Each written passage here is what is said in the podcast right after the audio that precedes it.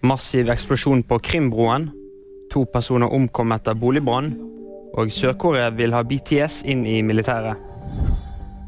Krimbroen har delvis kollapset etter massiv eksplosjon. Russiske myndigheter melder at tre personer skal ha mistet livet. All trafikk på den eneste broen mellom Krimhalvøyen og det russiske fastlandet er stanset. Videoer fra et overvåkningskamera på broen skal vise eksplosjonen. Det russiske nyhetsbyrået Ria Novosti skriver at brannen skyldes en eksplosjon i en lastebil. Dette er ikke bekreftet fra andre hold. To personer bekreftet omkommet etter brann.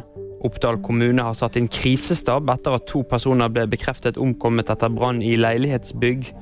En person har kommet seg ut og fremstår uskadd, det opplyser politiet.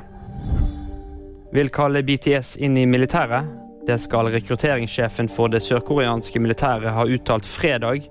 Ifølge sørkoreansk lov må alle funksjonsfriske menn i alderen 18 til 35 tjenestegjøre mellom 18 og 21 måneder.